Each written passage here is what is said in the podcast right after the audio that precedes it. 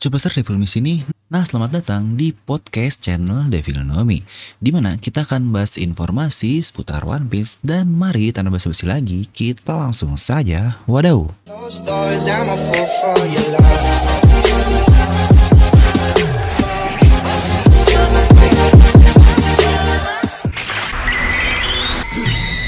Oke, kali ini kita akan bahas lagi nih top 10 atau 10 urutan terbaik di serial One Piece. Wah, udah lama banget nih kita nggak masuk ke sesi ini. Dan karena sudah cukup banyak juga nih wanita-wanita luar biasa dengan bounty yang sangat tinggi di serial ini. Makanya akan saya urutkan ke 10 wanita dengan bounty tertinggi. Yang pastinya berisi teteh-teteh dan tante-tante favorit kita semua. Serta jangan lupa juga ada penutup luar biasa yang mind blowing banget di akhir video ini. Yo. Oh iya, sebelum itu saya memberitahu saya mengambil semua ini berdasarkan fakta yang ada ya, yang berarti angka-angka dari Bonti ini sudah udah konfirmasi secara langsung dari ceritanya. Bisa dari manga, SBS, ataupun Record. Dan bukan angka karangan atau perkiraan saya doang. Oke lah, kita akan mulai dari peringkat yang ke-10. Di mana peringkat ke-10 ini diisi oleh teteh favorit kita semua, yaitu teteh Nami Chuan. Ya, sang kucing pencuri alias navigator kita ini mempunyai bounty tertinggi ke-10 di serial One Piece. Dengan bounty di angka 66 juta berry. Ya sebenarnya mengenai kemampuannya sendiri sih, dia bukan tipe petarung murni karena ya dia ini seorang navigator pak. Tapi dengan akhir-akhir ini kelima taknya merge dengan Zeus, wah ini sih pasti bakal jadi power up yang luar biasa buat teteh kita. Nah kira-kira berapa ya bounty-nya setelah beres perang Wano Kune ini? Mungkin gak ya jadi 216 juta berry. Nah lanjut, peringkat ke-9 adalah ibu dari tante favorit kita yaitu Nico Olvia. Ya, dia bukanlah seorang petarung seperti orang-orang lain yang mendapatkan bounty. Mungkin yang lain ini mempunyai kekuatan yang luar biasa lah di dalam dirinya itu, tapi lagi-lagi yang perlu kalian ingat terkait bounty ini adalah bukan hal yang kita jadikan sebagai patokan seberapa kuat orang tersebut di serial One Piece. Melainkan bounty ini dibuat dengan parameter seberapa berbahayanya orang tersebut terhadap pemerintahan dunia. Yang tentu saja faktornya banyak banget lah, mulai dari kekuatan yang biasa kita jadikan acuan utama, lalu juga pengetahuan atau knowledge dan banyak lagi. Di mana untuk Nico Olvia ini jelaslah karena pengetahuannya itu dia mendapatkan bounty yang tinggi. Dia ini dapat menerjemahkan Poneglyph yang menjadi hal tabu bagi pemerintah dunia. Dan itu membuatnya mendapatkan bounty sebesar 79 juta berry. Wah dari dulu nih saya pingin banget bahas teori Olivia masih hidup tapi nggak sempat mulu. Wah sorry ya guys. Lanjut peringkat ke-8 dan ini adalah tante terbaik, terfavorit, terluar biasa. Alias tante buah hancok. Ya benarlah tante super cantik ini mempunyai bounty di angka 80 juta berry. Bounty yang dia miliki ini sudah lama sekali dibakukan karena dia menjadi bagian si Chibukai. Dia pun mendapatkan bounty ini dari perjalanan pertamanya saja, dan dia langsung dicap dengan angka yang sebesar itu di usia mudanya. Dan karena hal itu, dia mendapatkan tawaran langsung oleh pemerintahan dunia untuk menjadi si Chibukai. Sejujurnya, Hankook ini salah satu karakter yang sangat underrated sekali. Karena dengan bounty yang mungkin cuma segitu, dan jarang juga dia ini terlihat bertarung, jadi banyak yang tidak menobatkan sebagai si Chibukai yang patut diperhitungkan lah. Tapi dengan Oda yang masih merahasiakan kemampuan penuhnya, padahal Hankook ini sudah dimunculkan jauh-jauh sekali di serial One Piece. Yang pasti Oda ini merencanakan hal yang luar biasa untuk tante terbaik kita. Jelaslah kita semua ingin melihat seberapa kuat Hancok yang waduh kemampuannya pasti jauh di atas bontinya ini. Mungkin bisa 10 kali lipat dibandingkan bontinya. Lanjut peringkat ketujuh diisi oleh tante kita ini dia baru tante Robin Chuan. Ya Nico Robin si anak iblis ini mempunyai bounty tertinggi ketujuh dengan angka 130 juta berry. Itu pun kenaikan yang didapatkan setelah insiden Dressrosa yang awalnya di 80 juta berry. Lagi-lagi hal yang saya sendiri sangat curiga nih. Kenapa pemerintahan dunia tidak menganggap Nico Robin sangat serius? Padahal Yonko yang lain saja mengincar Nico Robin ini dari Big Mom lalu juga Kaido. Dan seperti kata-kata Inu dahulu juga, dia pasti akan diincar oleh orang-orang terkuat di dunia ini. Tapi aneh sekali, bounty-nya hanya 130 juta berry saja. Padahal dia dapat membaca poneglyph dan bahkan diincar juga sebelumnya oleh CP9 untuk dapat membangkitkan Ancient Weapon. Ini sih sudah sangat aneh sekali. Apa mungkin pemerintahan dunia menutupi segala hal terkait Nico Robin ini? Ya mengenai bounty asli dari Nico Robin sebenarnya pernah saya bahas di video ini sih. Lanjut ke peringkat ke-6 dan ini diisi oleh satu-satunya supernova wanita kita yaitu Jewelry Bonet. Hal yang cukup mencurigakan adalah dia dihargai setinggi ini apakah karena dia sangat kuat nih dengan kemampuan buah iblisnya yang menurut saya sangat luar biasa. Atau karena ada hubungannya dengan kerajaan Sorbet yang seperti kata-kata Akainu juga bahwa dia ini sudah lama dicari. Serta ketika dia berubah menjadi tua dan dianggap sebagai Ratu Dowager oleh orang-orang di Marih Joyce. Mungkinkah bounty yang didapatkan ini berhubungan dengan masa lalunya? Dan dia mendapatkan bounty di angka 140 juta berry. Nah mengenai hubungan dan masa lalu Bone ini pernah saya bahas langsung di video yang lain ya. Nah selanjutnya kita masuk ke top 5 dari bounty tertinggi untuk para wanita. Di mana peringkat kelima ini diisi oleh teteh kita yang lain alias teteh Ulti Chuan. Ya, setelah baru-baru saja diberitahu oleh Oda Sensei seluruh bounty dari grup Kaido ini melalui free free card-nya. Di mana untuk hal ini sudah saya bahas lengkap di video free free card khusus yang bisa kalian cek langsung.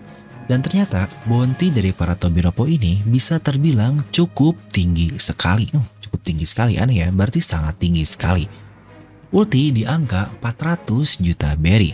Sebenarnya masuk akal sih dia mempunyai bounty yang sangat tinggi Ulti ini mempunyai ketahanan yang luar biasa kuat. Bahkan bisa bertahan setelah menerima serangan Yamato lah, dihajar Nami berkali-kali dan dia pun dibuat lubang udara di perutnya oleh Big Mom. Tapi dia ini masih dapat bergerak. Dia pula dikatakan dapat menggunakan haki Ken Bunsoku dan Busosoku yang cukup mahir. Yang kita lihatlah ketika dia beradu dengan Luffy Sencho. Jadi angka 400 juta ya masih sangat oke okay sekali. Selanjutnya, peringkat keempat diisi oleh pasukan revolusioner kita, dan itu adalah Belo Betty. Dia mempunyai bounty sebesar 457 juta berry. Angka yang menurut saya sangat tinggi sekali nih. Lucu sih sebenarnya dia ini berasal dari lautan yang katanya paling lemah yaitu di East Blue, tapi punya bounty tertinggi dibandingkan para komandan revolusioner yang lain. Di mana jika dilihat kemampuannya ini sangat unik sekali sih. Dia ini cuma ngebuff sekitarnya dengan kibaran benderanya itu, alias sebagai support lah. Tapi entah apakah buffnya ini bisa berguna terhadap dirinya sendiri atau tidak. Ya tapi kalau yang di buff ini karakter sekelas Dragon sih ya tinggal dimin aja gak sih Dragon nge-carry kita semua anjos udah kayak anak gamer banget Lanjut peringkat ketiga, asik udah masuk top 3 nih. Di mana untuk peringkat ketiga ini diisi oleh Tante Black Maria. Uhuy, duh favorit pisan emang Tante Black Maria ini. Di mana Tante Black Maria mempunyai bounty yang terbilang sangat tinggi sekali, yaitu di 480 juta berry. Yang lagi-lagi saya pun sangat bingung kenapa dia bisa mendapatkan bounty yang sangat tinggi itu. Apa yang membuatnya pantas mendapatkan bounty seperti itu walaupun dikatakan dia punya Kenbun Soku dan Busou Soku, tapi kita tidak melihatnya di pertarungannya melawan Nico Robin. Yang sejujurnya alasan Oda tidak memberitahu bounty dari para Tobiropo ini dalam manganya dan malah memberitahunya di Vivre Card saja adalah sebuah langkah yang sangat baik menurut saya. Karena seperti yang kita tahu juga yang saya bilang juga di awal, masih banyak dari kalian yang membuat patokan kuat tidaknya karakter itu diambil dari angka bounty saja. Padahal tidak hanya itu. Bayangkan jika Oda sudah memberitahu angka bounty pada mereka dari awal pertarungannya. Robin di angka 130 juta berry melawan Black Maria 480 juta berry. Ini sudah sangat jauh sekali. Jinbei di 438 juta berry melawan Wushu di 546 juta berry. Tapi Jinbei ini bisa dibilang menang mudah banget lah melawan Wushu itu.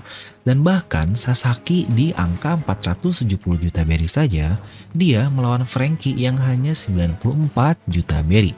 Ini sebenarnya bisa kita bilang itu kemenangan yang cukup mudah buat Frankie. Karena dia tidak terluka cukup parah lah dan bahkan masih bisa bertarung lagi setelahnya. Ingat, untuk Shogun Frankie ini jelaslah itu bagian dari pertarungan atau kemampuan milik Frankie. Buat yang masih pada bilang nih, licik banget Frankie pakai robot dan bukan dirinya langsung. Waduh, biasanya nih orang-orang kayak gini sering misahin antara user dan buah iblis. Ya, biasanya kayak gini haki only banget lah. Di mana pengguna buah iblis paling lemah tapi untuk haki user yang terbaik. Eh, malah dijawab langsung oleh Oda Sensei. Di pertarungan Sasaki versus Frankie ini terbukti bahkan sains dan teknologi mengalahkan haki langsung. Di mana inilah yang saya bilang bahwa angka dari Bounty ini tidaklah benar-benar berpengaruh atau menjadi acuan utama tentang seberapa kuat karakter. Ingatlah, angka ini tidak bisa dijadikan sebagai nilai anjay. Kayak jadi youtuber banget ya, di mana satu juta subscriber belum tentu value-nya sangat baik dibandingkan yang kecil. Waduh, mantap banget. Lanjut ke peringkat kedua. Ini diisi tidak lain dan tidak bukan oleh seorang komandan Yonko, yaitu komandan manis Charlotte Smoothie dengan bounty di angka 932 juta berry. Hal yang menurut saya sangat wajar lah, dia ini komandan utama dari banyak laut di Yonkou. Tapi mungkin yang masih cukup aneh adalah Smoothie ini karakter yang bisa dibilang tidak berguna sepanjang Arkwall Cake Island.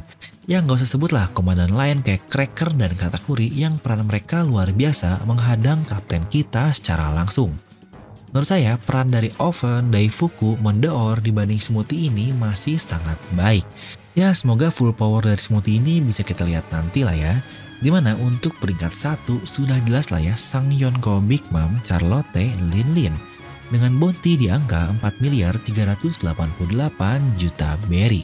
Hal yang sejujurnya tidak mengagetkan. Big Mom termasuk salah satu karakter yang belum pernah terlihat terluka selama cerita One Piece ini berjalan.